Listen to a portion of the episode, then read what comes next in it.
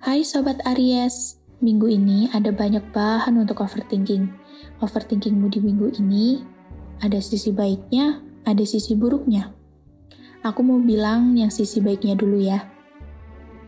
Sisi baik dari overthinkingmu adalah kamu bisa mendapatkan ide-ide kreatif dari pemikiran beratmu itu. Ide kreatif itu jangan cuma disimpan di kepala, tapi juga harus direalisasikan. Sisi buruknya adalah kamu terlalu mencemaskan sesuatu yang belum tentu terjadi. Itu benar-benar bikin kamu stres. Jadi, jangan pernah mencemaskan sesuatu yang belum terjadi ya. Untuk kesehatanmu sendiri cukup stabil, hanya saja ada sedikit gangguan dari overthinkingmu. Overthinkingmu menyebabkan kamu tidur dalam keadaan yang tidak nyenyak setiap malam. Untuk keuanganmu sendiri juga stabil, tapi mungkin kamu juga merasakan hari-hari terasa lambat saat bekerja. Percintaan untuk Aries Lovebird. Ketidaknyamanan sedang menyelimuti hubungan kalian. Coba untuk tidak terlalu mencampuri urusan masing-masing, karena dunia tidak selalu tentang pasanganmu.